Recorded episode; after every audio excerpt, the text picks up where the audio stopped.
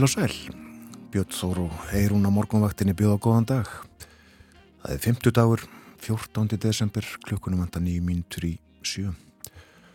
Það er leðenda veður á landinu, stórum hluta landsins og uh, guðlar viðvaranir í gildi, gengu í gildi í nótt og gilda í dag og uh, framöndir morgun á morgun. Þetta á við um uh, allt vestanvert landið og gildi líka fyrir Suðurlandið og Suðausturland. Og kvast víða, mjög kvast sumstaðar 14 metrar á sekundu til að mynda að jafnaði í Reykjavík í nótt en sló í 28 metra í mestu kviðum, fjórastega hitti þryggjastega hitti á Stafóldsei og kvast sveipa viður í stikkisólmi sló í 29 metra á sekundu í mestu kviðu. Það er tveggjastega hitti bæði á Patrísfyrði og í Bólungavík og uh, þrjár gráður á Holmavík 11 metrar þar, suðvestan 12 metrar á Blönduósi 60 hitti á Söðunarsvita og 5 gráður á Akureyri skíjað á Akureyri sunnan 5 þar svipa viður á Húsavík þryggjastega hitti á Rauvarhöfn og 7 metrar 6 gráður á Skeltingstöðum og 13 metrar á sekundu 7 stega hitti á Eilstöðum, heiðskýrt á Eilstöðum og sunnan 13 5 stega hitti á höfni Hornafyrði og 15 metrar á sekundu þar 6 stega hitti á Kvískerjum og 10 metrar 4 gráður á Kirkjubæðaklaustri og 9 metrar á sekundu 23 metrar suðvestan á Stórhóða stormur þar fór í 35 metra í mestu kviðu, fjórastega híti í Vespanegi og þrjár gráður í Árnesi, 7 metrar þar. Já, eh, hittast uh, eh, réttu megin við núlið með ströndinni en uh, örlíti frost á hálendinu, einstíks frost bæði á hverjavöllum og í veiðvatnarhraunni og mjög kvast á hálendinu víða. En er hún, þú ert með horfurnar? Það verður uh, það verður suðvestan 15 til 23 metrar á sekundu og jæljagangur kvassast í jæljarriðjum suðvestan 8 til 13 og yfirleitt þurft og norðaustur og austurlandi sunnan 10 til 15 metrar á sekundu um tíma í fyrramálið en gengur í suðvestan 15 til 23 með jæljum um allt land upp úr háti á morgun. Híti verður þetta um og yfir frostmark. Þannig að það hversir hefur hverst allra þessi lega Flesti vegi færir gott ef ekki allir en uh, vara við uh, sterkum vindi og uh, það er snjóst þekja sumstaðar á heiðum annar staðar þæfingsfærð, þæfingsfærð til að mynda á fróðurhiði. Nú, uh, millandaflug og annað flug svo sem likur niðri.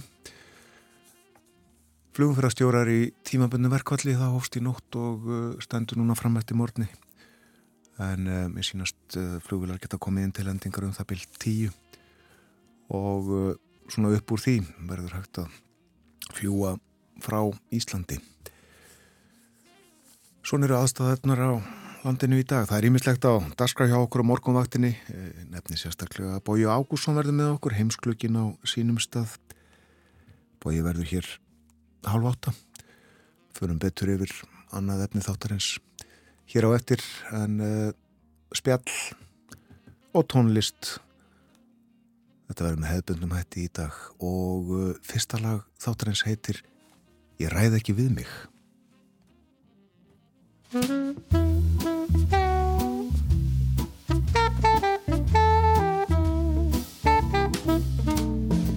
Þegar ég sé þig ég stýpna upp. Star eins og límtur á þinn glæsta hug. Róðn eins og karfi neður í rass Rekur í vörður og segi pass. Get ekki hugsað, get ekkert gert Geng fram hjá öllu sem einhvers er verðt Kem ekki borði, kann ekki neitt. Kemst ekki úr spórum, allt verður heitt. Niður um hviðinn og breyðist bá Nær klæði loga og stinnist stá. Læsist í lóum minn samviska ung. Leiftrandi bálið grýpur minn búm Því ég ræð ekki við mig hugsa bara um þig. Ég hugsa bara um þig. Nei, ég ræð ekki við mig. Ræð ekki við mig. Vaksandi spennustig, hittastig, hægtustig Ég legg á flótt að leita á brott. Læst ekki sjá hvað þú ert flott. Finn kalda sturtu og kæli mig. Kemst samt ekki hjá því að hugsa um þig Brjóstinn þín befast í huga mér. Inni mér brennur sjóðeitur hver Örlítil sjálfsjálf og geysi grís Guðsar í loftu bér hín eins og grís. Ég slakna allur, starri stjó Skil ekki æsingin, friðin fó Man þá ilminn sem er alltaf að þér Og aftur byrjar að ólga í mér. Því ég ræð ekki við mig. Ræð ekki við mig. Ég hugsa bara um þig. Ég hugsa bara um þig. Nei, ég ræð ekki við mig. Ræð ekki við mig. Vaksandi spennustig, hittastig, hægtustig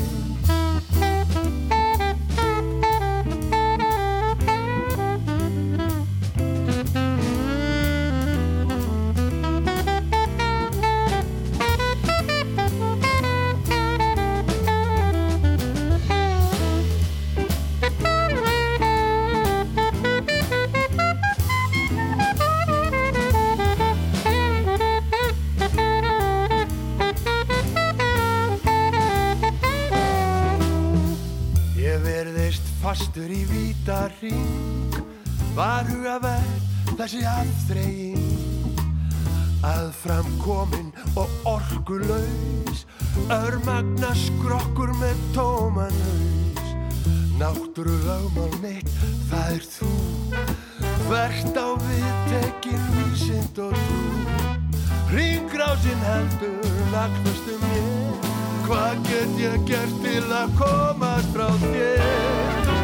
Reynti flest til að forðast því. Finn samt að þú leitar sífælt á mig Svona er líf mitt dag eftir dag. Handa vinna drengja er mitt fag Því ég ræð ekki við mig. Ræð ekki við mig. Ég hugsa bara um þig. Ég hugsa bara um þig. Nei, ég ræð ekki við mig Vaksandi spennustig, hittastig, hægtustig. Vaksandi spennustig, hittastig, hægtustig.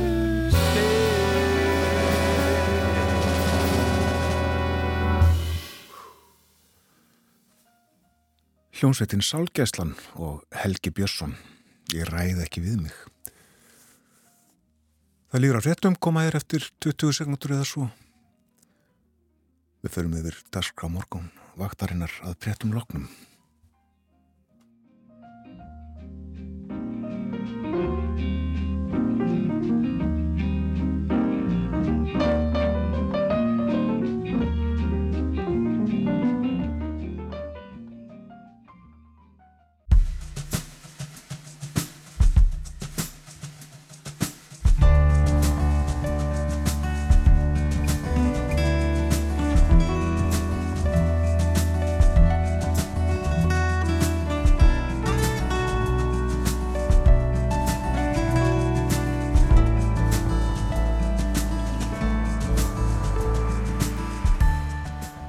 Góðan dag, morgunvaktin helsar 5. daginn 14. desember. Umsjónamenn þáttarins í dag eru Björn Þór Sigbjörnsson og Eirun Magnúsdóttir.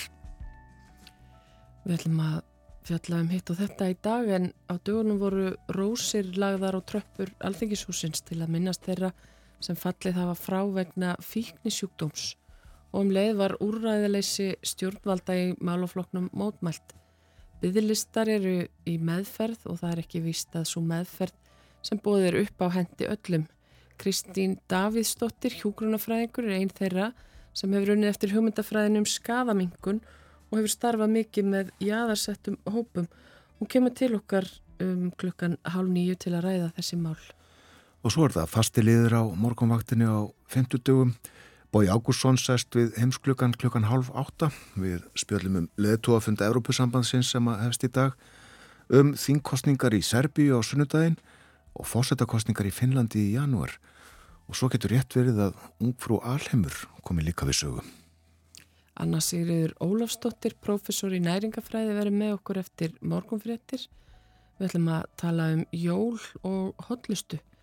Ráðlagur dagskamtur af hefðbundnum íslenskum jólamatt upp úr klukkan átta. Það er kvast á landinu og gular viðvaranir í gildi fyrir stóran hlutalandsins bálkvast sumstaðar en uh, horfurna svona söðvestan 15 til 23 metrar á sekundu og jæljagangur kvassast í jælja hriðjum og uh, á norðaustur og austurlandi heldur skára söðvestan 8 til 13 og yfirleitt þurft þar. Hitti í dag um og yfir frostmarki. Og uh, það verður, uh, já, uh, kvast víða í allan dag og næstu nótt líka. Og líka í fyrramálið þá verður myndræðin kannski 10-15 metrar eitthvað svoleiðis en gengur svo í suðvestan 15-23 metra með jæljum um allt land upp úr hádegi. Þetta á sem sagt við um morgundaginn.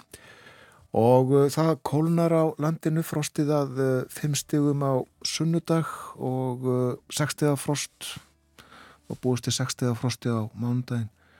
Og uh, svo kólna enn frekar á þriðudaginn Við lítum í blöðin. Erum þú ert með morgunblæði í dag? Já, á fórsvíu morgunblæsins er greint frá því að bankar séu og hafi verið treyir til að lána grindvikingum fjármunni til íbúðakaupa og hér segir að það sé þrátt fyrir að fólk sé jafnvel með skuldlösa eign í bænum og greiðslumatt fyrir tveimur húsnæðislánum að þetta er haft eftir þingmannunum Vilhjálmi Átnarsinni. Uh, og hann segir hér það komir á óvart hver margir þeirra sem ákvaðar en að kaupa sér húsegn og meðan þetta ástand er og stöla þannig eignamyndun í stað þess að borga háar fjárhæðir í leigu hafa orðið fyrir þessu.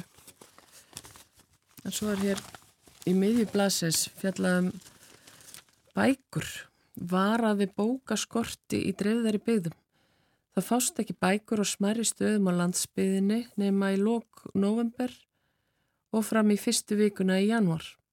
Það er svakaleg staða hjá þjóð sem kalla sig bókmyndathjóð, segir Margret Tryggvadóttir formað Rítvöndarsambands Íslands. En sambandi hefur skila umsögn til alþingis um aðgerðar áallun í málumnum íslenskra tungu og, og það er bent á misbrest sem sé í dreifingu bóka á Íslandi.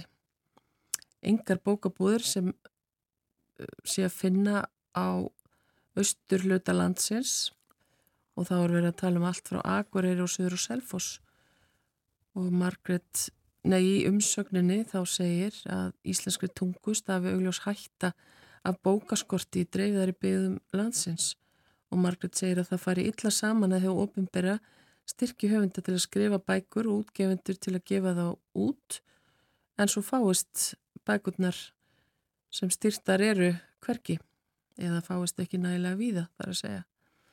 Og bendir á að ríkið tryggi að hægt sé að fá áfengi um allt land en ekki bækur. Frá uh, bókum af trjám en bændablaði segir frá því á uh, forsýðu að uh, íslensku jólatrén, þau sækja enn í sig veðrið og það er búist við að 8.000 íslensk jólatrén verið selt fyrir þessi jól og uh, það er um 40% af þeim jólatrjáum sem að seljast en uh, alls voru um 18.600 lifandi jólatrjá kift fyrir síðustu jól og fjöldi íslensku jólatrjána hefur risið heldur upp á við hinn síðra ár um tæplega 400 tríja.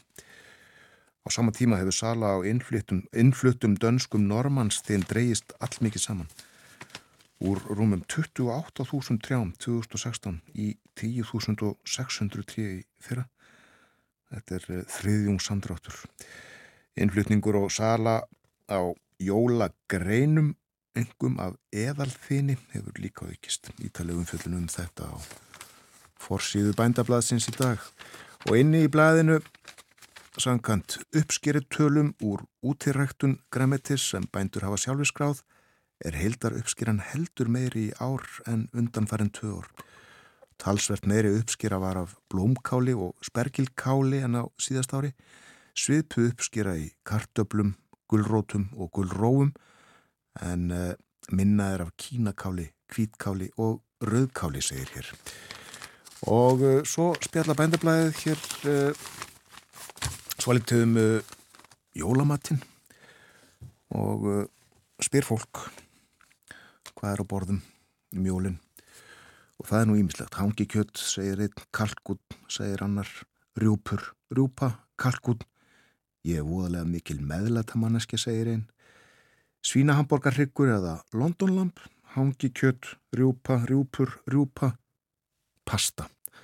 Þannig að þetta er með ýmsum eh, hætti Meira um uh, jólamatinn hér uh, eftir fréttinnar klukkan átta þegar Anna Sigriður Ólafsdóttir, professor í næringafræði verði með okkur og uh, spjallar um jólamat, hefðbunna íslenska jólamat og uh, hotlustu.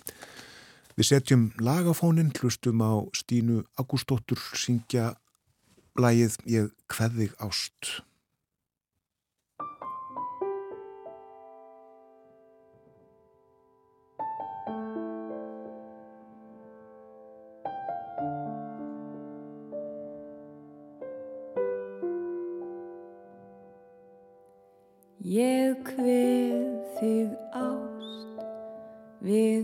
Sjáumst kannski senn, sagði bless við ást, ég sé ekki aðra menn, því ég verð að fá hann einan, þess vegna hvið ég ást.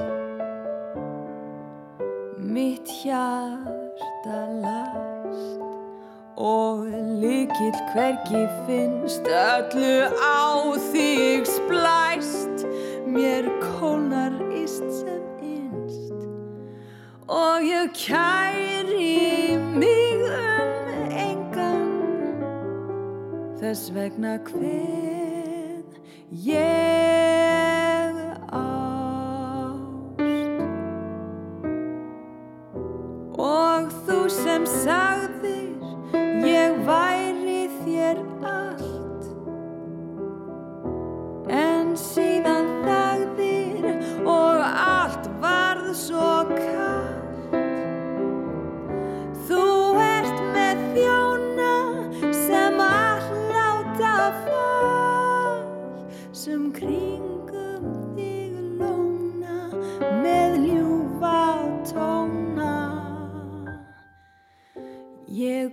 þig vor. Og allt sem þú varst mér engin gæfu spór Nér þór ég finn með þér því ég verð að fá hann einan. Þess vegna hvern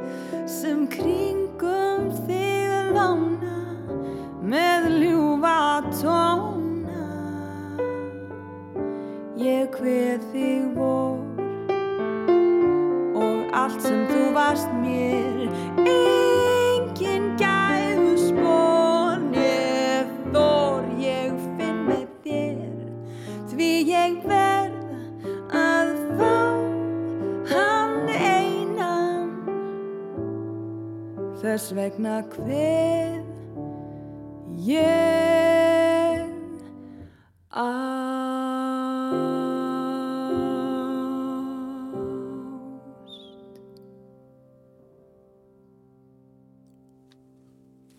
Ég kveði ást, Stína Ágústóttir. Það gekk vel í handbóltanum í gær. Landsliði lagði Kongo að velli og uh, er þar með sigurvegar í fórsetabyggarnum. Þessari auka keppni, sárabótakeppni fyrir uh, liðin sem ekki komist upp úr reyðla keppninni á hennu eiginlega hinsmestra móti. Já, uh, hörkuleikur uh, og staðan var jöfn í leikli en Ísland hafði að lokum tvekja marka sigur.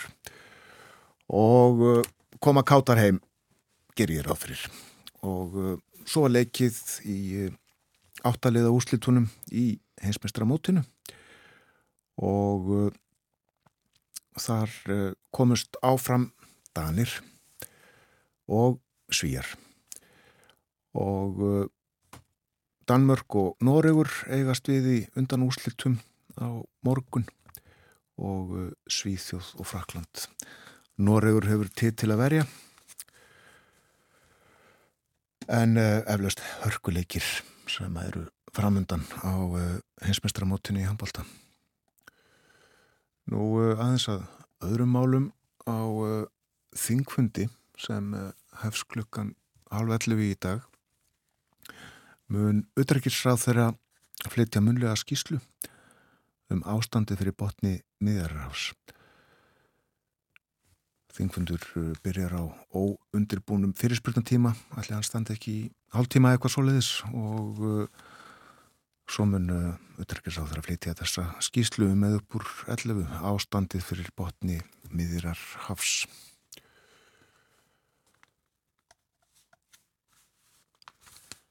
Það er áhugaverð frétt hér á vísi um sorpu.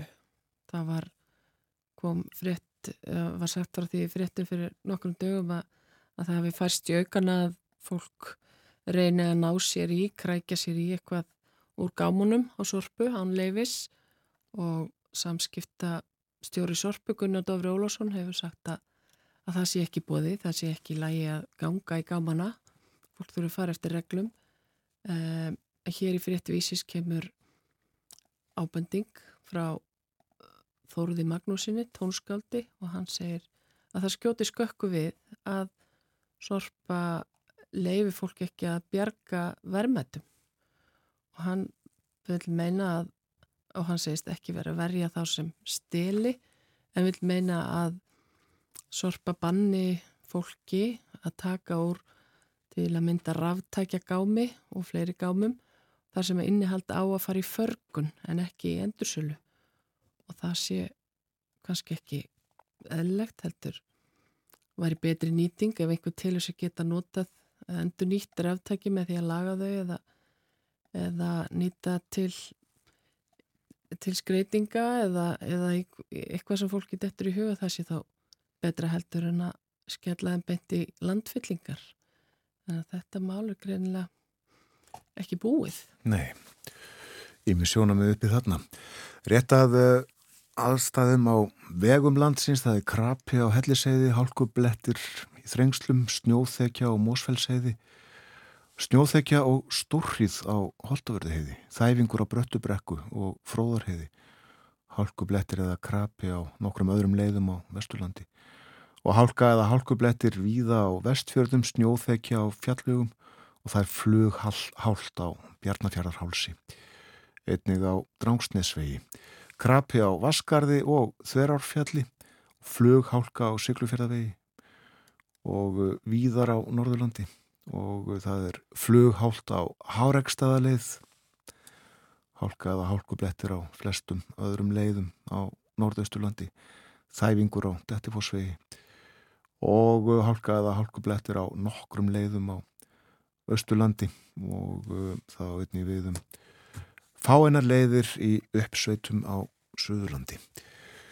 Og uh, fyrir utan þetta er auðvitað verðt að nefna að það er mjög kvast víða og getur verið mjög kvast varasamt í strengjum sem að myndast í aðstæðum sem verða þegar veðrið er eins og það er.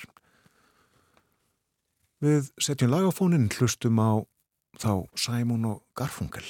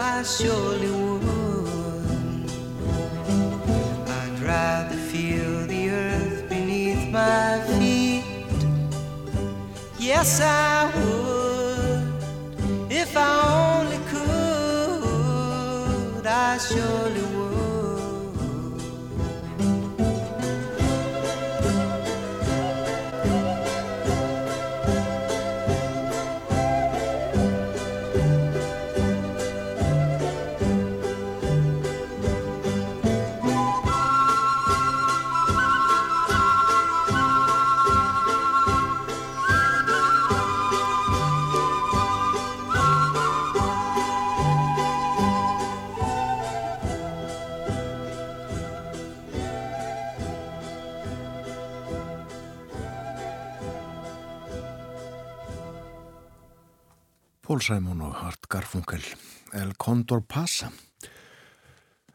Fluglikur niðri.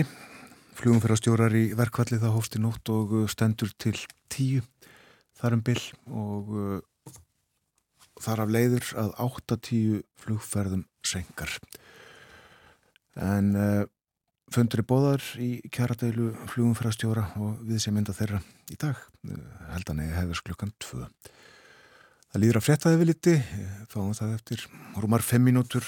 Eftir það verður bói Ágússon með okkur sest við heimsklukan og ímislegt uh, á efniskránu hjá okkur í dag. Uh, við ætlum að tala um hennan leðtóafönd Evrópusambandsins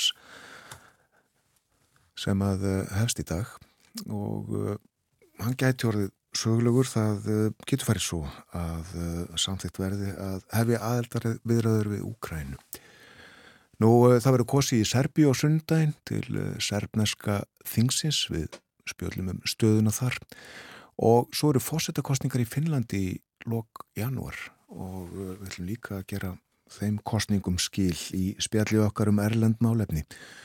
Og eins og nefnt var í upphafskynningu þáttarins hér upp úr sjö að þá getur rétt verið að við ræðum líka um ungfrú alheim. En Anna Sigriður Ólafsdóttir verður svo með okkur hér eftir morgun 13. klukkan 8, professor í næringafræði, dagskráliðurinn ráðulagur dagskamtur á dagskrá og við ætlum að tala um jólinn, jólamatin og veltaði fyrir okkur hvernig hann þessi hefbundni samræmist hotlustu markmiðum sem við reynum jú að temja okkur að fylgja. En uh, svo hér uh, upp úr hálf nýju þá ætlum við að fjalla um skafamingun.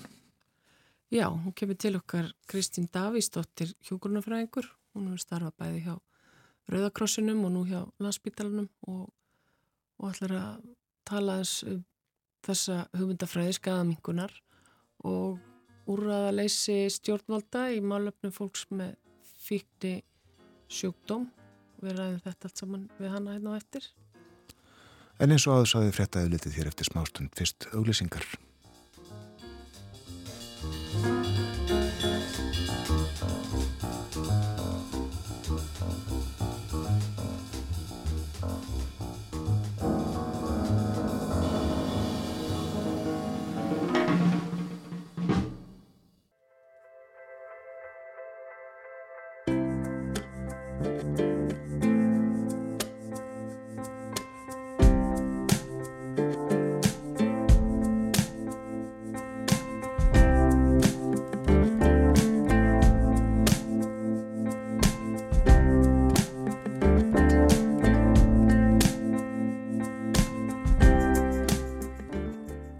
ný, þetta morgunvaktin á Rás 1 um sjónamenn þáttar eins í dag Björn Þó Sigurbjörnsson og Eirún Magnúsdóttir. Og nú sæstur við borðið hjá okkur Bói Ágússon Góðan dag. Góðan dag Björn og Eirún Heimsklukkin framundan og margt á dagskrá. Já, já, það er alltaf svo mikið að gerast í heiminn Það er mjög margt eh, Kostningar, eh, ég nefndi í morgun kostningar, nú er kostið til uh, Þingsins í Serbíu um helgina. Já, heiminn og uh, einn og hálfu mánuður í fásettakostningar í Finnlandi. Já, ég mitt, jú, jú. Við ætlum að, að ræðum stöðum ála uh, í þessum tveimur ríkjum.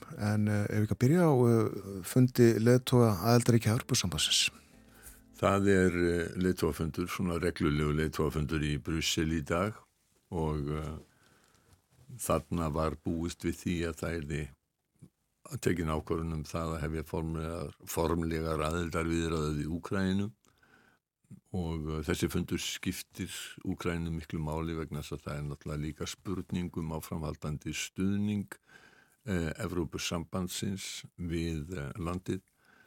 Við vitum að í bandaríkjónum að þá hafa republikanar farið að flækja innanlandspolitík inn í það eins og síður er bandarískra þingmanna þeir þeir ruggla saman oft alls konar málum sem að þeir krefjast að síðu tekin inn í með í lagafrumvörpum um algjörlega óskild mál uh, til þess að koma sínum svona sér uh, áhuga málum í gegn. Og núna er það republikana sem að vilja að uh, styrkir bandaríkjana til Ísraels og Úkrænu verði tengdir auknum fjárvitingum til, eh, getum við sagt, til þess að koma í vekk fyrir að eh, ólöflegir innflytjendur flytjast inn til bandaríkjana að sunnan. Þetta er þess að vilja styrkja landamærin uh, í söðri. Gerðsamlega óskildmál uh, í Evrópu. Að þá eru Vandræðaríki innan Evrópusambansins getum við sagt, eh, Póland var lengi eitt af þeim eh, og svona fyrir liðin í vandræðaliðinu. Eh, en fyrirlega bandi hefur fæst núna til Viktors Orban í Ungarilandi. Man veit ekki hvernig Slovakia með nýkjörin Fitsó sem er populisti mikill, hvernig hann kemur til með að haga sér fyrir ári síðan að þá var óttast að Giorgia Meloni fórsættis á þar í Ítalið skipaði sér í þessa vandræða fylkingu en um, það hefur ekki reynst. Meloni hefur í öllum megin atriðum í utanrikismálum verið, getum við sagt, einn að geta sér lappa hefðbundin. Já. Uh, en uh, það er uh, Viktor Orban sem að, já svona, lengt og ljóst er bandamaður Vladimir Putins og uh, stundum þá hugsa maður til þess að uh, ef Ungveriland væri að sækja um aðelda Európa-sambandinu núna þá fengjur hann ekki. Vegna þess að Ungveriland uppfyllir ekki lengur þau skiliði varðandi líðræði opið samfélag, frjálsa fjölmiðla sem að eru skilir fyrir því að fá að ganga inn í Európa-sambandi ég held að þeir sem að stopnaði Európa-sambandi þeir áttuðu sig ekki á því að það væri hægt að fara tilbaka þannig að það er engin ákvæði Evrópussambandi getur ekki reki lönd úr Evrópussambandinu. Nei. Það sem það getur gert er það að það stoppa greiðslur þannig að hafa ungar ekki fengið neina greiðslur úr svona bjargaráðasjóði ESB og auðvitaðri fjölmarki sem að telja að uh, það sem að vaki fyrir Viktor Orbán núna sé að uh, lofa því júi og fallast á það á endanum að eh, Evrópusambandi haldi áfram að styrkja Úkræinu og að taka upp eh, hugsanlega formlegar aðeldaviðraði Úkræinu eh, sem að hefur ímislegt í förmið sér sko það er svona ákveðin, ákveðin staða sem að ríkið fær þá sem breytist gegn því að ungverjar fái þessa peninga sem búið er að frista og það má kannski minna það líka að Íslendingar og normenn undir fórustu normann aðala hafa sko neitað að borga uh, til uh, ungverjarlands vegna þess að ungverjar heimta í rauninni sko Viktor Orbán veit bara að fá þetta í einu assa og geta deilt þeim peningum sem hann fær frá uh, sem eru svona afgöngum í EES ríkjana til sinna vildar vinna og Og þetta er þróunasjóður sem við greiðum í og, ja, og, Það heitir þróunasjóður en við getum styrtasjóður Viktors Orbáns. Svo við séum svona mjög brútal í þessu eh, og þess vegna hafa, hafa Nóriður og Ísland ekki viljað hérna, greiða svona skilislust Þú nefndi Pólandaðan bói og þar hafaði mitt orðið stjórnaskipti eftir kostningarnar fyrir rúmum móniði. Það hafa í svona stjórnmálum í heiminum ekki orðið mjög mörg ánægileg tíðindi í kostningum undanförni en það voru mjög ánægileg tíðindi að lög og, og, og, og hérna, réttlæti eh, flokkurinn sem hefur farið með völd núna í nátt ár tapaði í þín kostningunum og í gæra þá tók við ný stjórn og uh, það verður þessi nýjir pólskur fósættis ráþara sem að fyrir til Brussel í dag. Hann er ekki alls óþektur í, í Brussel vegna þess að hann hefur nú oft verið þarna. Donald Tusk var, uh, var ekki fósætti leitvarás Európusambansins eða fósætti framkvæmdarstjórnarinnar ég man ekki hvort það hann var allavega annar á tveimur leitum Európusambansins á sínum tíma. Og nú er hann komið þangað aftur en í slutverki sem fósettis á þeirra Pólans sem hann hefur verið áður. Uh, hans býða hans og stjórnarnas býða mörg erfið verkefni. Það er því að þó að það sé komin í fósettis á þeirra þá hefur ykkur gróðum heilt á milli Pólveri og Európusambansins Pólveri er þeirri sömu stöðu og ungverðir að þeir fá ekki e, þá styrki sem að þeir telja þeir eigi að fá. Vegna þess að Európa-sambandi hefur haldið eftir peningum og það er aðalega breytingar sem að fyrir pólska stjórn gerði á uh, dómskerfi, laga og réttarkerfi landsins og uh, þetta er sjúkdómur sem að uh, grýpur um sig hjá mönnum sem að helst vilja ekki missa aftur völdin eða hafa komist til valda að þá, þá leggjaður undir sér fjölmiðla, domstóla, aðra líðræðisstofnanir samfélagsins einfallega til þess að koma í vekk fyrir það að anstæðingar þeirra geti komist aftur til valda.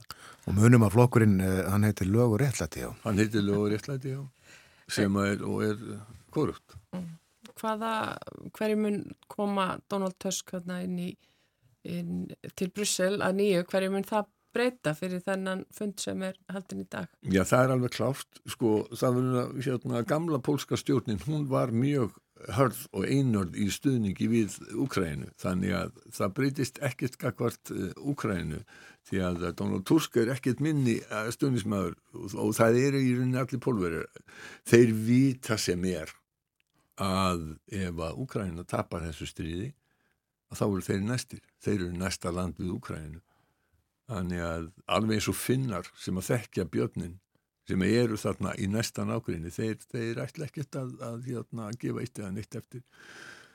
Um, þannig að, að þessu leitin til þá skiptið að stjórna skiptin í, í Varsjá ekki svo ofsalega miklu máli. Nei og þetta sást mjög greinilega þegar uh, innlýtindalögjöfinn Pólska var hert Já. en uh, áfram uh, voru allir frá Úkræðinu velkomin til Pólans. Já. Eitt ríki sem ekki er í, í ESB og á, á ekki möguleika á að komast inn með núverandi stjórn, það er Serbia þar er svo kallaður framfaraflokkur við völd og hefur verið árið síðan, uh, síðan árið 2012 ef ég, ef ég mann rétt. Og uh, þar um, er verða kostninga núna sundaginn og það er allar horfur á því að flokkurinn vinni aftur. Þar hefur verið mikil afturför á síðustu árum, spilning hefur aukist, það hefur verið sótt að frjálsum fjölmjölum og til dæmis RSF sem eru samtök fréttamann á landamæru þau segja að það er ekki til neitt lengur í, í Serbíu sem heita frjálsir og hóðið miðlar.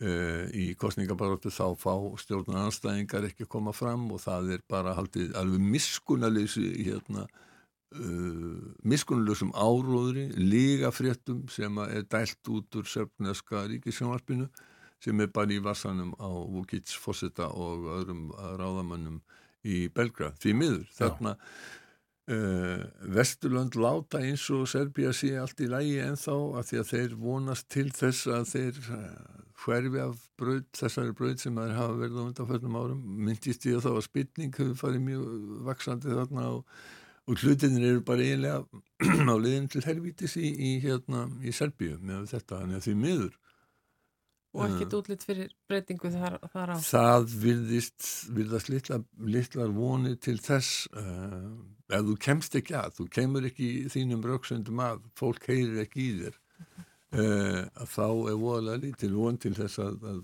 að hérna, þú náur kostningu eins og uh, eins og er í, í Serbíu. Þetta er á sömubókinu lært, þetta, þarna getum við sett að sé svona uh, í mið-Evrópu, svona þrjú ríki sem að nú eru, já bara, ég veit ekki hvort það er miklu betra heldur en á, á, á tímum kommunistam, því að þó þetta sé ekki komar og þá er þetta, þá er þetta svona innflokks er verið að reyna að koma þarna upp einsflokks ríkjum aftur. Þetta er Unguriland, þetta er Slovakia og þetta er Serbia. Já, og uh, Alexander uh, Vukic, Vukic hann er nánast einráður er það ekki, fer með þetta bara eins og sitt eigið. Jú, og svo óttast með mjög líka að, að það er þeir eru búin að gera bandalag við svona últra hægri þjóðurni sinna til þess að tekja að þeir tapin og örglega ekki. Og þeir óttast, þá er óttast að serbar fari að, að eh, efna til íllinda, frekari íllinda við grannríki sín. Og það er mikil spenna þarna á Balkanskaganum og það þetta, þetta, þetta, þetta er ekkert sérstaklega góð tíðindi. Nei. En við skulum sjá hvað serbar gera í þingkostningunum. Já. Tölum um annan Alexander hér á eftir og fósættikostningarnar í Finnlandi sem Já. eru framöndan. Já. En að hverfa aðeins frá Evrópu? Ef að hoppa aðeins til Nicaragua í, í, í hérna, þar er það er voðað leðild að vera að tala um ríki sem er einræðisríki spilt og, og, og lönda sem að maður sko alls ekki vildi búa.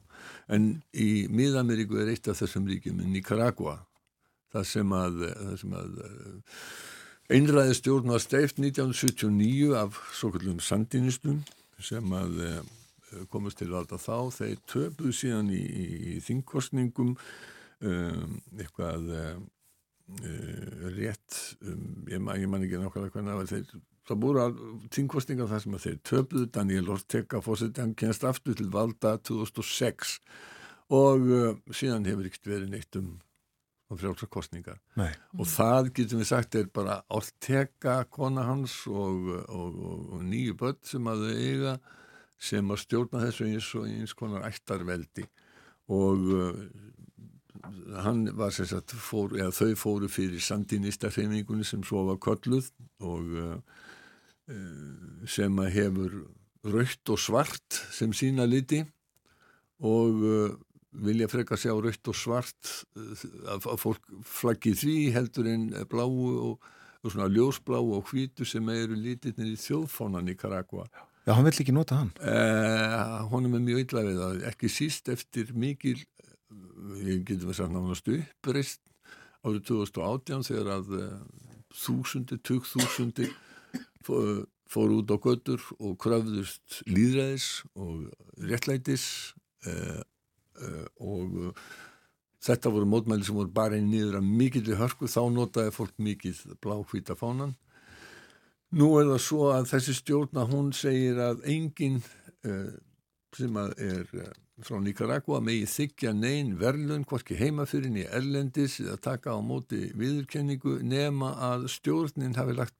blessun sína yfir þetta fyrirfram og uh, það sem að fer mest í töðunum núna er ungfrú Alheimur sem að er uh, 23 ára stúlka frá Nicaragua Já. og þegar hún tók við veldisbrotanum eða hvað eða grind eða hvað má segja þá var hún í hvítum kjól með eh, bláhvíta nei, með, já, með svona ljósbláa herðaslá þar að segja að þetta var sko og, það, og þetta lítur stjórnin á sem tilvísun til eh, fánan sem að þeir vilja helst ekki sjá.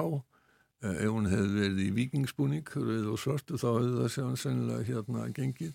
En uh, þetta ekki og það hefur orðið svo að, að, að konan sem að er, er, er með umbúðið fyrir þessari keppni í Nicaragua uh, Miss Universe að hún hef, má ekki koma aftur heim hún hefur þetta fór fram í New York ja, nei, fór fram í, hérna, í, El Salvador held ég og hún má ekki koma aftur heim og uh, það búið handtaka eigimann hennar og, og svon uh, og, og, og, þessi stúlka sem að, varð uh, ungfrú alheimur uh, hún, Sínis Palacius. jú, hún hefur hérna lendi í, í, í, Palacios, já, hún hefur lendi í vandræðin hjá þeim og Economist segir að, að þetta sé ekki, ekki síst vegna þess að hún varpi rýrð á fósetta fjölskylduna, það er dóttir fósettans uh, eða fósettarhjónuna sem að, er er einhver- í einhverjum tískubusiness og hefur gengið mjög illa. eh, eða ekki gengið nægilega vel og, og tengdadóttið þeirra er líka fyrrum ungfrú Nicaragua og uh, hefur heldur ekki gengið nógu vel. En sko það sem gerðist þegar að tilkynnt var að uh, ungfrú Palacios hefði orðið uh, ungfrú Alheimur var það að fólk streymdi út á götur í, í Nicaragua borga í Nicaragua og fagnaði gríðarlega. Af bílflautur og það var mikið af fánum og þetta virðist hafa lift mjög illu, illu skapi í, í fórsættarfjölskylduna. Og eins og þú segir, uh, þetta er bæði af, af pólitískum og persónulegum tóra. Já, það er það. En það má kannski gera ráð fyrir að, að, að fórsetin eftirleiðis reynir bara að stýra því hver sigur þessa keppni. Já, það er all- all- allar líkur á því að þau fjölskyldan ætla að reyna að taka til sín leiði til þess að halda. Já, já. Það tengt. Nei, það, þú færð ekkert að gera neitt nema með leifi hérna, sandinistana og, og ortega fjölskylduna.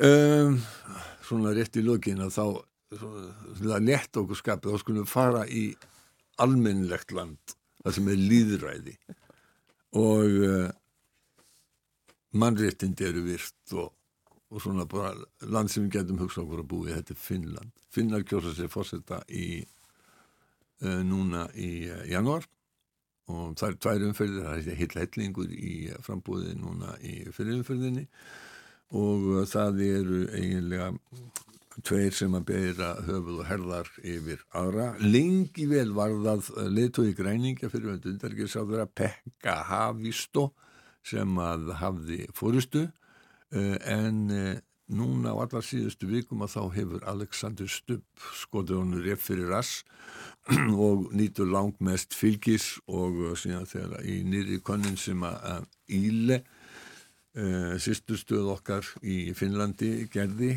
þá uh, kom í ljós að uh, hann Alexander Stubb hefur yfirbörðið fram yfir eiginlega alla aðra. Já. Hann er hægri maður hann er sem sagt úr uh, Kokomos sem er uh, samlingspartiet sem er svona frjálslindur mið hægri flokkur, hann er frjálslindapartinum þar og uh, ekki jafn mikill hægri maður og sumir aðri hann er búin að vera, hann var þetta er mikill snillingur. Hann er með talar fjölda tungumóla hann er með, eh, hann er mikill íþótt áhuga maður, leik ísokki í esku, hann var í landslið finna í golfi þegar hann var uh, ennþá í háskóla og ætlaði sér að gerast atvinnumadur en var svo mikill áhuga maður um uh, námu og fræðimann sko að hann læði í áfóðum að vera atvinnumadur í golfi á hilluna Það er skritin ákvörðin. Já, Þetta er mikill karakter þetta, þetta, og þú hittan. já, já, já, já, já, já, já.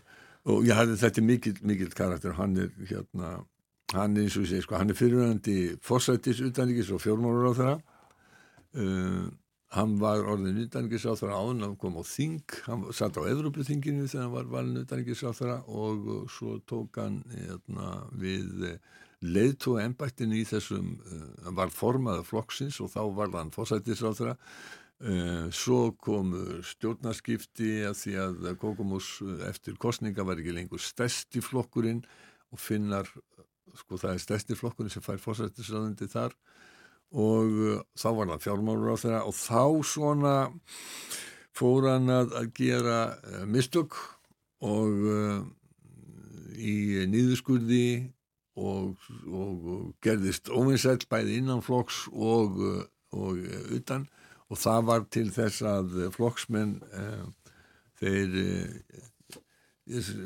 það, var, það, það kom mótframbóð gegn honum á flokksþingi og það var eh, Petter í Orbo sem er núverandi fórsættis á þeirra sem að lagði hann Um, hann var þetta voru klauvalega yfirlýsingar í þinginu og Twitter og svona hann sko Alexander Stubb er miklu meiri maður utanrikkismála heldur en innanrikkismála ég held að það sé algjörlega alveg klárt. Og hann ja. sagði það sjálfur þegar við rættum við hann í viðtalinu fyrir nokkur árum þegar hann var, var utanrikkismála um, því að eins og ég segi sko þetta er mikið snillingur. Hann er, hann er hérna hann namn stjórnmálufræði í Bandaríkjónum við Evrópaháskólan í Belgíu og við Sorbonne í París með doktorsreitgerð í Evrópafræðin frá London School of Economics og hann talar auk sænsku og finsku þá talar hann frönsku, þísku og ensku. Um, þegar við vorum að tala með hann þá vildi hann tala um Evrópumál á ensku þegar við vorum að tala um norrænmál og finskmál og þá taliðum við sænsku. Sko, uh, fadur hans uh, var sænskumælandi finni en móður hans uh, finskumælandi þannig að hann er með báðafætur þarna í, í, í já hann er með sitt kvotfótinn í, hérna, í sínum málahópnum þarna já. og, og já já þetta er, þetta er hérna mjög klár maður. Við spurðum hann á sínum tíma um, um hérna, stöðu sænskuna. Ég, ég sagði hann að þegar maður kemur til finnast núna þá hefur maður á tilfinningunni að, að umt fólk sérstaklega vildi eiginlega freka tala við mann á ennsku heldur en, heldur en, heldur en sænsku og, og þá sagði hann sko já já þau skildu bæði tungumálinn en sko raunverulega væri kannski ennska orðið þriði ofnverð á tungumáli Finnlandi. Við skulum heyra eins í Alexander Stubb sem að öllum líkindum verður næsti fórsættisráðra Finnlands. Jag, jag kommer själv från en tvåspråkig familj. Att jag pratar alltid finska med mamma och, och svenska med pappa. Och jag har gått i en svensk skola och en finsk skola, så för mig har det aldrig varit ett problem. Eh, Egentligen bara en rikedom. Men engelska är ju egentligen vårt tredje officiella språk kan man säga. Eh, vi är otroligt anglosaxistiska, eh, precis som alla nordiska länder också ganska amerikaniserade. Så därför så känns engelska lättare för vissa, men ah, ta ett par öl så nu snackar vi alla helt bra svenska. Ja, ja. Han... Ja, ja. enska er næstum orðið þegar tungumólinu, hann sagði þetta væri, var bæði í sænskum og, finskum skólum og er, er þarna eiginlega fulltrúi. Eh, hann er svona stundum finnast manni finnar ég hún líka hérna að tala við, við Sáli Nínistu uh, núverandi fórsetta Finnlands sem að virðist svona þingri en þú er mjög fljótur að koma staði að hann hefur sko mjög skemmtilegan og lúmskan húmor. Mm. oft virðist manni finna dálítið þungir, Alexander Stubbe það svo alls ekki, hann er, hann er hérna, mjög léttur og mjög klár maður og, og, og fljótur til tilsvara og annað slikt Já, og en eins og ég sagði, hann er, hann er greinilega miklu meiri utanriksmála hérna, sinni heldur en annað. Og það skiptir máli í Finnlandi vegna þess að öfugt við í fórsetæmbæti á Íslandi sem hefur engin formleg völd að þá hefur finski fórsetin umtalsverðu völd og ekki síst á sviði utanriksmála Einmitt. Og uh, kostið á uh, til uh, fórstæðanbættisins í Finnlandi í lók janúar. Lók janúar. Það er tvær umfyrðir ef einhvern nær ekki reyna meiri hluta í, uh, í uh, fyrir umfyrðinni.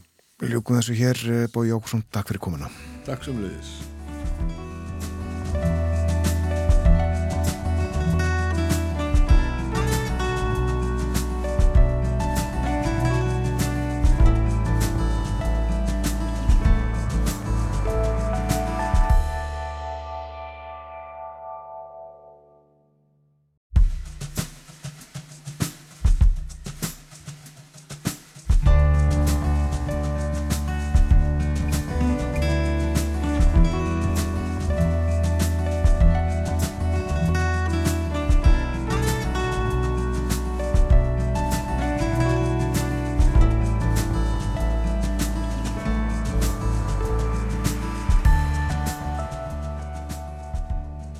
Sæláni, morgunvaktin heldur áfram. Við rættum hér áðan við Boga Ágússon í heimsklugganum. Hann fór yfir með okkur vandraðaríkin í Evrópu og við rættum um björtustu von finna í komandi fórsetukostningum. En hér í síðasta hluta þáttarins klukkan hálf nýju þá kemur til okkar Kristín Davísdóttir hjúgrunafræðingur sem hefur mikið starfað eftir humdafræðin um skadamingun og við ætlum að ræða um skadamingun, fíknisjúkdóma og, og úrræðaleysi í, e, í þeim efnum. En við ætlum að fara aðeins yfir í jólamatinn núna. Já, til okkar er komin Anna Sigriður Ólarsdóttir, professor í næringarfræði við Háskóla Íslands, góðan dag og velkomin. Takk, takk. Það er ráðlega dagskamtur. Já. Og uh, jólinn framöndan, uh, jólaheðirnar, jólamaturinn, hann er oft bísna þungur. Já, Feitur, jafnvel, saltur og ég veit ekki hvað og hvað. og reytur. Og reyktur. Já. Er þetta gott fyrir okkur? Ég sko geta eiginlega ekki svaraði ef við horfum bara reynd á hotlustu þá er þetta alls ekki hotlustu fæði. En svo þurfum við að horfa á heldamyndina við erum ekki að tala um að við borðum bara kjötbitan eða fæstir heldur er þetta heldarmyndin og þarna koman líka raukálið og jólaeplin og allt það. En, en rannsóknir sína þó að, að svona í hinna vestræna heimi að þá þá, þá fellur græmitis og ávast að neysla yfir, yfir jólinn og hátíðahaldin þannig að við getum gert betur og það skiptir máli hvernig þú ræðar á diskin en og kannski stóra máli sko ef okkur þetta sko e, á ég að segja hefðir og hotlista eða hefðir eða hotlista það er að segja getur þetta farið saman Já. að þá er það sem skiptir svo miklu máli er að í hefðum felst og í því að borða felst eitthvað allt annað en bara það sem þú setur í kroppin til að næra þig. Þannig að við erum að tala um andlegu næringuna og við erum að tala um sko tækifærið til að tengja og bara ef við horfum á sko hvað felst í matarhefðum að þá eru til dæmis miklu fleiri hefðir í okkar dagatali tengdar mat og drikk en nokkru öðru og þannig að þetta er svo mikið hluti af því að vera manneskja. Já. Þannig að ef ég kem hérna og segi ykkur að ég er ekki að borða þetta og ég er ekki að borða hitt og er hérna með bóð og bönn fyrir jólinn, þá er það í raun og veru sko bara, ég, ég býð ekki upp viljum brjóta stemninguna. Ekki að og, og, og það er náttúrulega sko þannig að þarna að, að sko ég myndi segja eina hefðin sem ég vil losna við að það er að það er talað um sko þessi órjúvanlega hefð af samspili jólaáts og janúarkúra Já. og þetta bara þú veist þetta að þú eigir að borða þangar til þú springur og fara svo í brjálað aðhald í janúar að þarna með við sko þenn, þennan balans þurfum við að læra hlusta og líka mann borða og njóta upp að hæfilegu magni, settu stjórnun fælst til dæmis í því að geta fundi munin að svengt og settu og hætt, þú ert orðin hæfilega sett og sattur og það er bara, það er ekkit öllum eh, þarna lægið og það þarf að æfa sig í því. Og mér fannst mjög áhugavert að því ég var svona að reyna að finna nýjar greinar fyrir ykkur sem að kom ekki með sama jólapistil áleftra ár.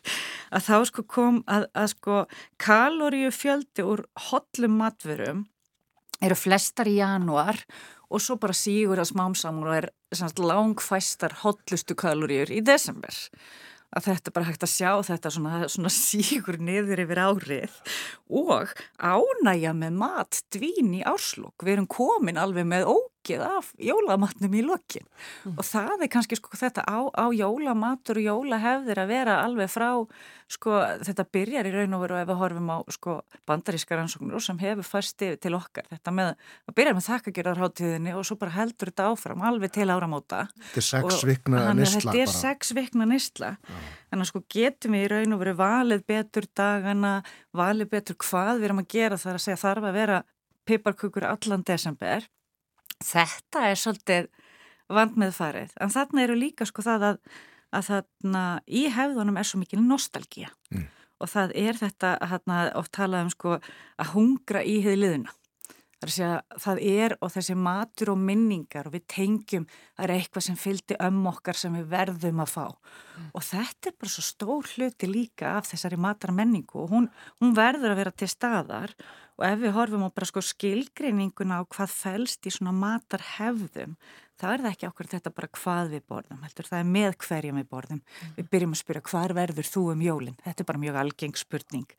Eh, hvenar borðið þið? Það verður að borða á slæginu klukkan sex. Eh, þannig að það hvar allar að vera... Eh, hvernig fer aðtöfnin fram, það eru mikla rútínur í kringum. Hver situr hvar jafnvel við mataborðið, allir eiga sinn sess.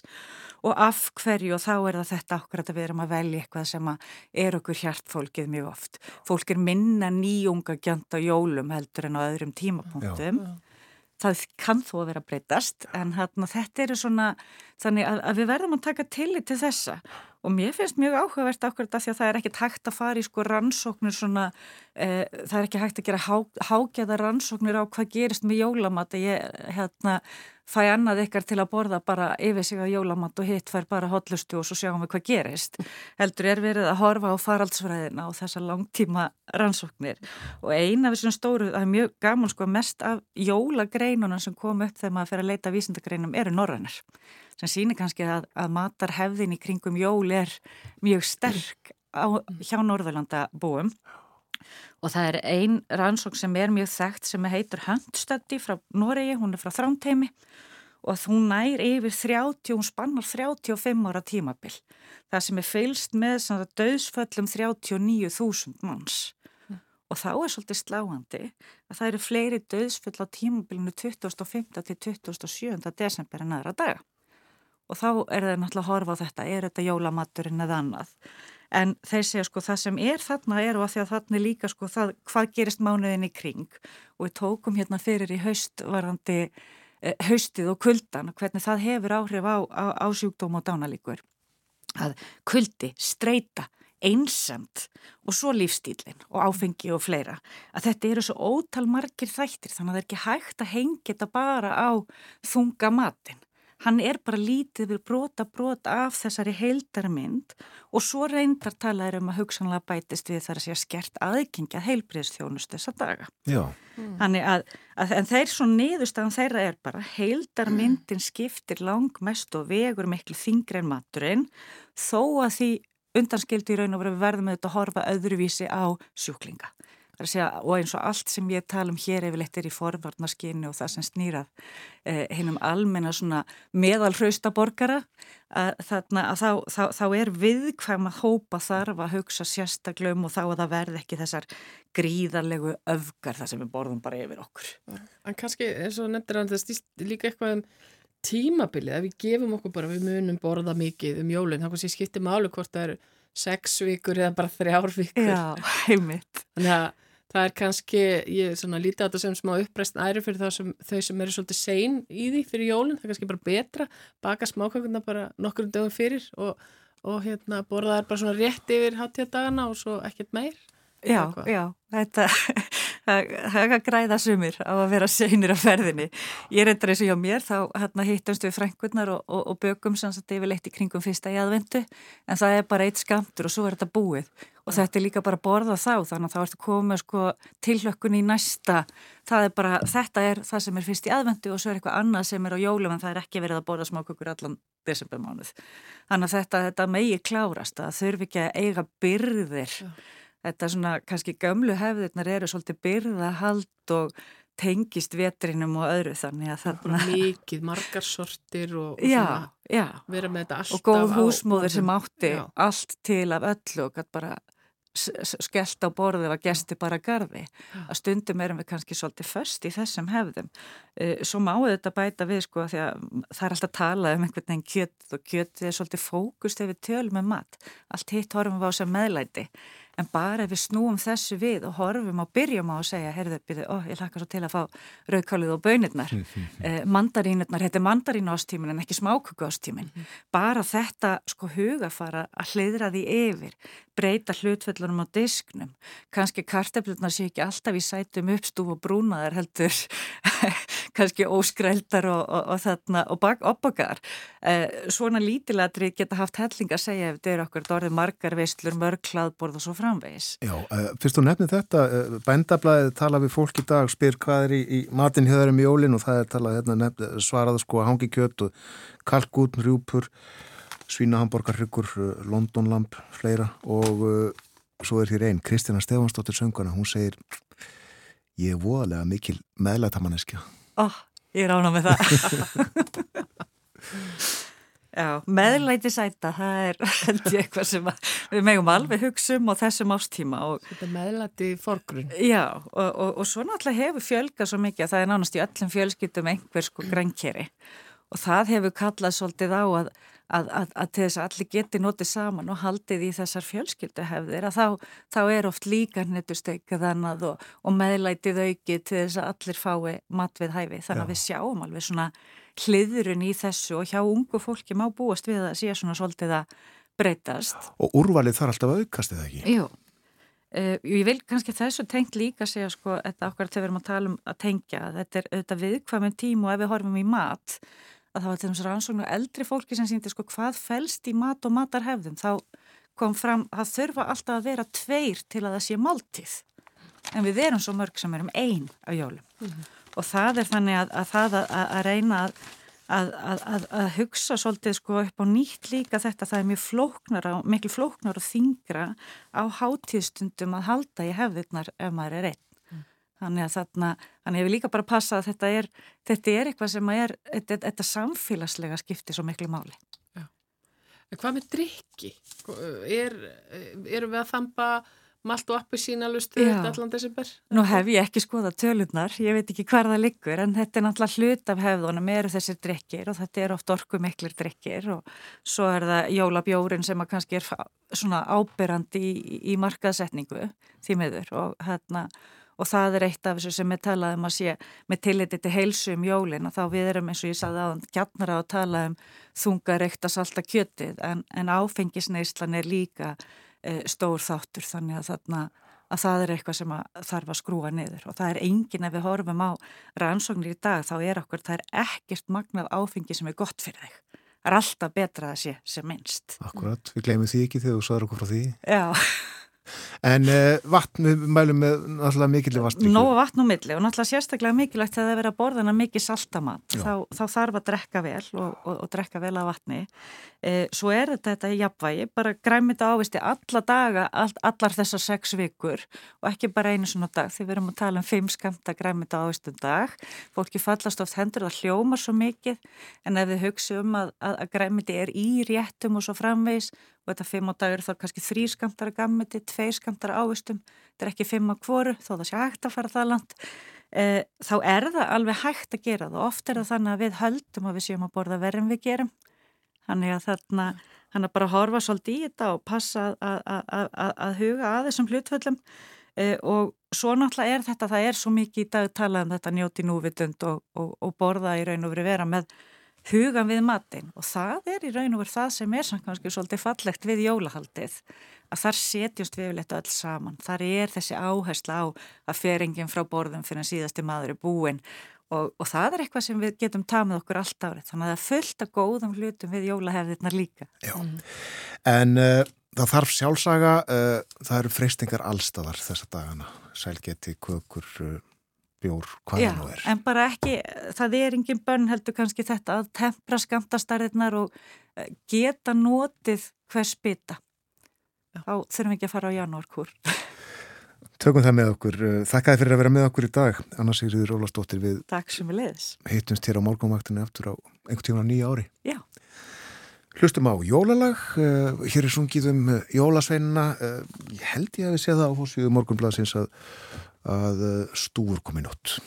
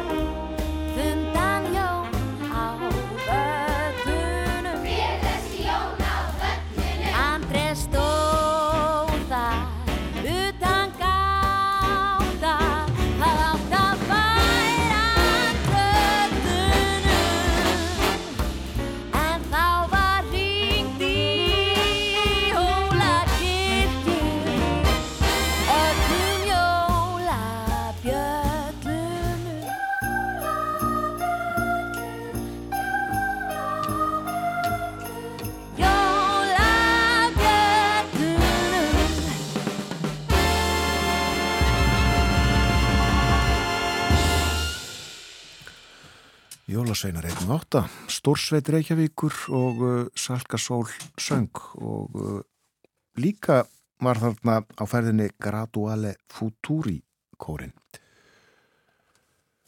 Anna Sýriður Ólafsdóttir, professori næringafræði var með okkur hér áðan. Við töluðum um uh, jólamatinn sem svo rík hefðir fyrir og uh, hotlustuna og uh, þetta er nú ekki allt gott fyrir okkur uh, nema í hófi. Og uh, mikilvægt að uh, drekka vatn líka þessa dagana, mikið vatn, borða ávexti, græmiti. Nefni aftur að uh, á þingfundi í dag fer fram umræða um ástandmála fyrir botni miðararhafs. Utaríkisráð þeirra mun flytja þinginu skýslu og uh, svo fara fram umræður. Ég uh, gerir ráð fyrir að uh, þessi liður á þingfundi dagsins hefist rétt upp úr 11 en fram á honum eru óundirbúnar fyrirspurnir á dagskráð þingfundar. Frettæðilegt kemur hér eftir stuttastund fyrst auðlýsingar og eftir frettæðilitið verður hér hjá okkur Kristín Davidsdóttir hjúknafræðingur við ætlum að fjalla um uh, skalamingun þá hugmyndafræði sem að uh, hún vinnur eftir. Fíkni sjúkdómar á dagskrán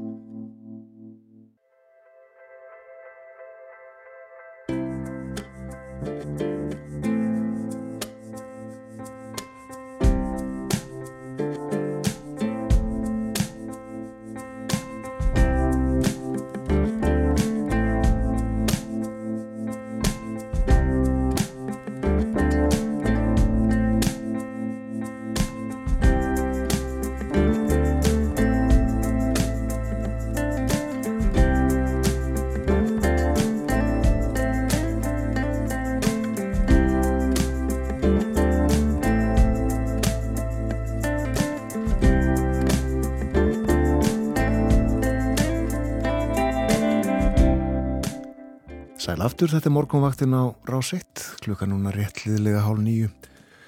Það er 50 dagur í dag, komin 14. desember. Við höfum talað um mat og stjórnmál og uh, líka um veðrið, það er leiðilegt og verður freka leiðilegt og ég vil bara vond í dag og næstu nótt líka og eitthvað fram eftir morgunni á, eða degi á morgun og að kólnar um helgina og svo kólnar ennfrekar á þriðudaginn, svona er útlitið fyrir næstu daga. En uh, það er komið að uh, síðustu umfjöllun þáttarins þennan morgunin, er hún? Já, við hingað á morgunvaktina er komin Kristín Davísdóttir, hjúgrunafræðingur á landsbytalanum. Hún hefur áralanga reynslu af því að starfa með fólki með fíknisjúkdóma eftir hugmyndafræðinu um skadamingun. Og það er nú bara einhverjir dagar síðan að nokkur hundru mann stóð á tröppum alþingishúsins og mótmæltu úrræðaleysi í málefnum fólks með fíknisjúkdóm. Uh, velkomin til okkar, Kristín. Takk. Uh, ef við byrjum aðeins á, ég með langar er bara byrja á þessu hugtaki skadamingun, af því það er svona þessi hugmyndafræði sem að, sem að hefur verið svona að reyðja sér til rúms hér, en kannski ekki nægilega mikið. En hvað, hvað fælst í þessu svona gagvart kerfinu? Hvað er það sem kerfið þarf að gera til þess að geta starfað uh, í takt við, við hugmyndir um skadamingun?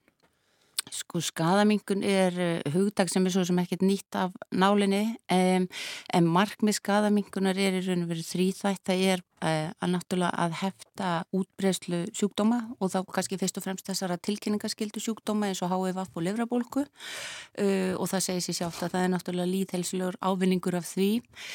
Síðan er það að bara að koma í veg fyrir ótíma bæri döðsföll og þetta er náttúrulega bara afskaplega banvætt sjúkdómur og tekur mikið af ungu fólki, allt og mikið í raun og veru með með aðdeglina sem hann fær uh, og síðan uh, síðast en ekki síst að er náttúrulega tilgangurinn líka að auka bara að lífskeiði einstaklinga sem eru haldnir þessum sjúkdómi. Mm. og ég held að sé líka mikilvægt að fólk átti sig á að skadamingun er ekki eitthvað á lausulofti gripið, heldur er þetta í raun og veru viðbót við þau kerfi og þau úrraðir sem við höfum nú þegar og ef við lítum á þetta sem píramíta þá getum við litið á að forvarnir séu neðist, síðan koma meðferðarúræðin sem eru í bóði eh, en eins og með alla sjúkdóma að þá er það náttúrulega þannig að eh, einstaklingum gengur misvel eða það gengur misvel að, ráða við eða halda aftur að þessum sjúkdómum og þá höfum við skadamingunina þar fyrir ofan. Eh, þannig að þetta er viðbót og þetta er náttúrulega eitthvað sem gagnast kannski mest þeim sem eru með mikinn og þungan výmöfna vanda um, hvað svona ég sá viðtal við þig í, í fréttum einhvern tíman á síðast ári uh, fyrir rúmu ári síðan og þá erstu að tala um að sé, þetta sé svona einhver leiti falin vandi. Að, eða sem sagt að uh, döðsföll til dæmis að völdum fíknisjúktum þau séu ofta einhvern veginn við bara tökum ekki eftir því eða vitum ekki næla, þetta sé ekki nóg mikið upp á yfirborðinu. Finnst þetta vera að komast meir upp á yfirborðinu núna? Uh, sko, ég held þetta sé tvíþætt, það er annars verð þá hefur alltaf eh, verið ákveðin skömm sem fylgir því að vera uh, alkoholisti eða með eitthvað dvímöfna vanda og maður sér það sjálfnast tilgreint sem uh, sko, aðal orsök döðsfalls, þannig að það er kannski eina af ástæðunum, fólk er ekki að flagga því að hérna svona mynd dó út af ofneistlu það er bara þannig, en síðan er það og sem er kannski ekki síðu mikilvægt að það eru þessar afleitu orsakir. Það er að segja þegar fólk er að látast út af eh, eh, afleiðingum eh, sjúkdómsins. Og það geta verið alveglegar síkingar sem eru gríðarlega algengar og við sjáum mjög mikið inn á spítalanum. Það geta verið bara ímiskonar áhættu hegðun sem fylgir fólk er að keira undir áhrifum. Það er mikið um ofabeldi þessum hópi og svo framvegis og svo framvegis að það stendur kannski ekki endla á danavátturðinu að við komandi hafi látist úr fíkn. Nei, nei, nei, nei, nei. og ég meina, og sjálfsvíg er flokka sem sjálfsvíg, en, en þið vitið, og líka kannski þetta hvað er ekki og hvað er hægnan, sko. Já, já. E, það var fjallað um ópjóða í kveik núna bara fyrir stuttu e, og talað um faraldur. Er, e, far, er ópjóða faraldur? Mm. Sko það sem við höfum séð núna á undanförnum árum og verðum sérstaklega mikið verið við kannski á vettvangi því nú starfa ég mikið með e, eh, Rauðakrossunum og frá Ragnæði og það er þessi aukning á nótkun á oxykontinni og þá sérstaklega á meðal yngra fólks. Og það er svona það sem er heyri líka frá nótendum mm. að þegar fólk sé farið að nota meira oxy, að nota flestir einhver tíman oxy þó þau séu með annað efni sem þau nota aðalega uh, og þetta er að færast neðar og uh, fólk er að reykja þetta og nota þetta í æð. Mm. En er þetta þá nýr hópur í rauninni? Já. Sem hefur ekkit endilega verið að nota þetta annað eða hvað? Sko það er svolítið erfitt að segja til um það en fólk er svolítið að nota þetta á djamminu og það sem við höfum til að mynda orðið verfið er að skemmtistæðin hafa verið óskæfti því að fá nálóks og nefúðan til þess að hafa vegna þess að þau merkja e, meiri nótkun þar. En það er náttúrulega hópur sem að við kannski sem e, vinnum í skadamingun verðum ekki svo mikið vörfið Eitt af því sem að til dæmis þú og fleiri hafa líka að tala fyrir í þessum málflokki er svona að það séu fjölbreyttari úrræði, fjölbreyttari meðferðar úrræði, af því að það hendar kannski ekki eitt öllum. Er verið hér, hefur það verið þannig hér á landi að það hefur verið að setja alla sem þjást af fíkni sjúkdómi í svolítið sama e, inn í sama kerfið sama, sama formið sem það passa kannski ekki í Uh, já, að mínum að þetta já, en það fer náttúrulega kannski svolítið eftir því hvað þú spyrð. Uh, staðan er hins vegar, sko staðan er þannig að það eru tveir staðir á Íslandi þar sem fólk getur ferðið afveitrun og það er annars vegar fíkniketildin og hún er náttúrulega fyrst og fremst hugsuð uh, fyrir einstaklingar sem eru bæði með výmöfna vanda og þunga geðsjúkdóma og síðan höfum við vok og eins og hefur mikið góðum fram þá voru náttúrulega bara vann fjármagnaður þau ná ekki nýta nema hluta af rúmónum hjá sér, þau eru með göngudeldaþjónustu og viðhalsmeðferð eh, sem er mjög van fjármögnuð Uh, það sem við kannski veltum fyrir okkur líka er það hvort að um, það þyrstu að vera fleiri staðir til þess að fólk hafi til að mynda mögulegan á því að fara eitthvað annað heldur hann á sjúkrahúsi vogi afveitrun uh, ef að einhverju hluta vegna kýs ekki að fara þangað að þá ættu ekki að vera sko allar dyr lokaðar mm. það, það, það er svolítið það og fólk eru auðvitað alls konar eh, með alls konar vanda og ég set spurningamerki við það hvað til dæmis ég ætti sameilagt í meðferð með konu sem hefur mist frá sér börnin sín, hún er búin að vera heimilislaus, upplifir endur tekið kynferðisofbeldi og svo framvegis og svo framvegis. Mm -hmm. Þannig að, ég meina, fólk er bara ólíkt eins og það er margt. Já. Uh, en hefur verið kannski feimni við að ræða nákvæmlega þetta? Uh, já, ég, ég sko bara já og nei. Og þetta, ég, ég veit svo sem ekki ákveðið að stafar en þetta er svona, fólk er svolítið sko stert, eða hvað, hvað maður segir, fólk hefur sterkar skoðanir. Og uh, það er, já, það, það hefur verið svolítið svona, stundum hefur mér þótt sko kannski umræðan og ekki síst innan málaflokksins verið svolítið polariseruð og, og fólk í, í liði en ég held að vandi meiri svona, segja, samstagsvilja stundum eða samtalið sko. Því það vilja allir gera betur og við höfum alls sama markmið. Já, það meitt En uh, aðeins varðandi fjármagn til þessa málaflokks. Nú var að minnstakosti bóðað uh, að með minnir í sumar að það ætti að bæta í og, og það er svona svolítið út frá út frá því að það væri hér uh, ákveðin faraldur í gangi, var þetta neyslu óbjóðum og, og fleiri og, og, og það svona var doldið talað um það, það væri hérna miklu fleiri döðsföll heldur en fólk átt að sjá. Er, hefur þetta fjármagn skila sér?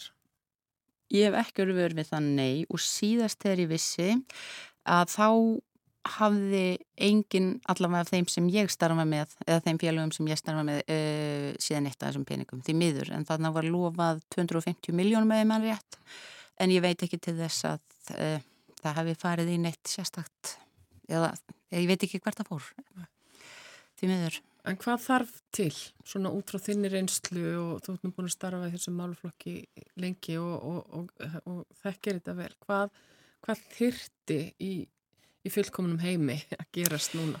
Sko það þyrti náttúrulega ákveðna viðhorsbreytingu viða í kerfinu Því kerfið er auðvitað búið til bara fyrir svona ákveðna tegund af fungerandi einstaklingum ef við segjum sem svo. Og það er svo lítið svigurum fyrir fólk sem eh, passar ekki inn í kerfið. Bara eins og ef við tökum sem dæmi að panta tíma á helsugjæslu, mæta á réttum tíma, þið vitið, þú veist, fólk er kannski ekki með síma og, og þetta, þetta er vonulegst, það gengur ekki upp og það sem svona þræðin hafi kannski verið að segja okkur er það að við verðum að hætta að tala um eh, erfiða sjúklingin sem er ómeðferðarheldin og frekar að endurhugsa þetta, hvernig getum við látið kerfið eh, sko henda einstaklingnum, frekar hann að einstaklingurinn hendi kerfinu. Þannig að ég held að þurfi viðhórsbreytingu þá þarf að sjálfsögðu fleira starfsfólk og við þurfum að vinna miklu meira á, út frá sko, því hvar einstaklingurinn er stattur mm.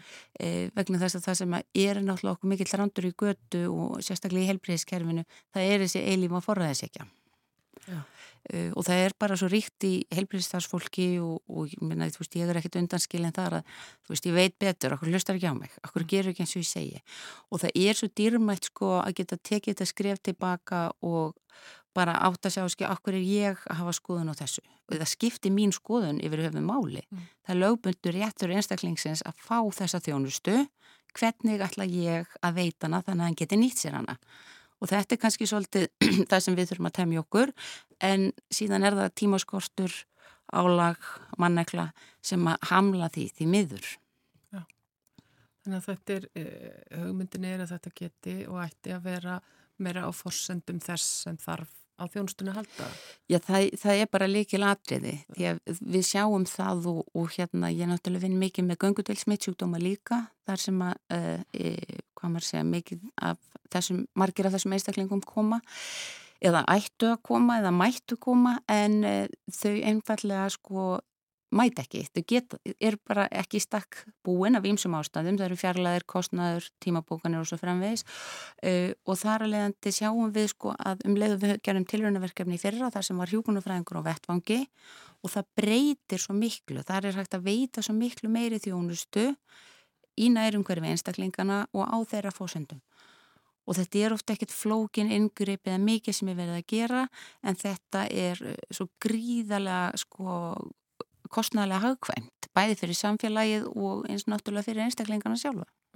Og þetta er það sem þitt starf uh, gengur út á, það ekki að vera á vettangi? Jú, við, við hérna, þetta var svona tilhörnaverkefni síðasta ár og þá uh, unnum við sem sagt saman landsbytalinn og frá Ragnöður vorum á vettvangi og buðum upp á skeimanir fyrst og fremst sem er það annars hraðupróf og hins vegar blótökur uh, sem skeimun fyrir HFF og livrabólku en síðan eru þetta svo margt annað tilfællandi sem bara kemur upp í leiðinni sem við náum að meðhandla á vettvangi því oft þarf fólk ekkert mikla þjónustu ef við náum að grýpa tímanlega enni.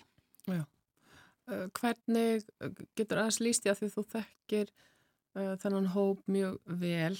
Uh, hvernig eru, hvaða áhrif hefur það á fólk sem er með svona þungan fíknisjúkdóm og er að glýma við afleggingar þess? Hvaða áhrif hafa fordómar í samfélaginu á þennan hóp?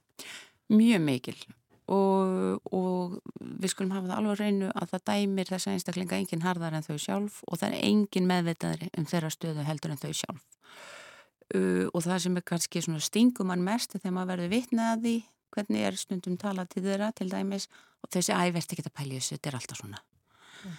og, og þetta er sko þetta er svo víða og þetta er sko bæði, hvað maður segja, einstaklingar en svo sér maður líka bara þessa fordóma hjá stopnunum og það er meðal minn einn stopnun að fólk er ekki velkomið eitthvað út af því að það gæti orðið svo erfitt, það gæti orðið svo mikið vesen að hafa einhvern sem er að nota výmöfni, skilur þau, þannig að hérna, og ég held þetta eigi við í öllum batterjum, það mæta gríðalegum fordómum og þegar einstaklingurinn upplifir það, endur tekið að það hefur enginn trú á honum, hann fær aldrei séns að þá hættir hann að sjálfsögða að hafa trú á sig sjálfur og það er svona svo mikilvægt að við nálgum þessa einstaklinga að virðingu, tölum um þau að virðingu og uh, gefumst ekki upp á þeim því það eiga allir að fá þjónustu og eiga allir að hafa tækifæri.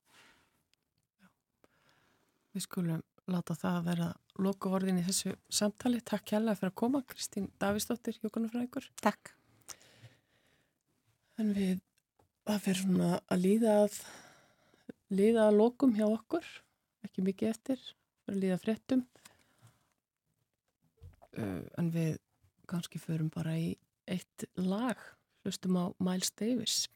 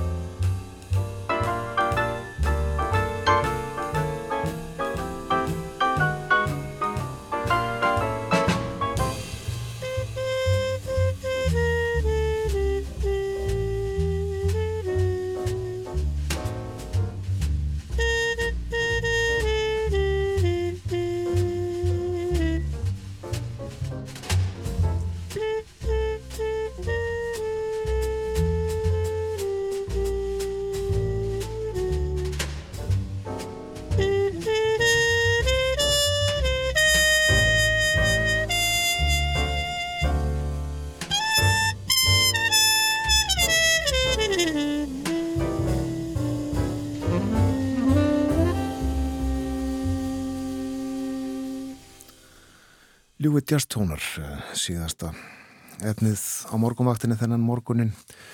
Þetta voru Miles Davis, John Coltrane, Red Garland, Paul Chambers og Philly Joe Jones. Valin maður í hverju rúmi eins og sagt er eh, Bye Bye Blackbird. Lag uh, standard eins og sagt er, jazzstandard. Samheld ég fyrir hundrað árum eða þar um byll.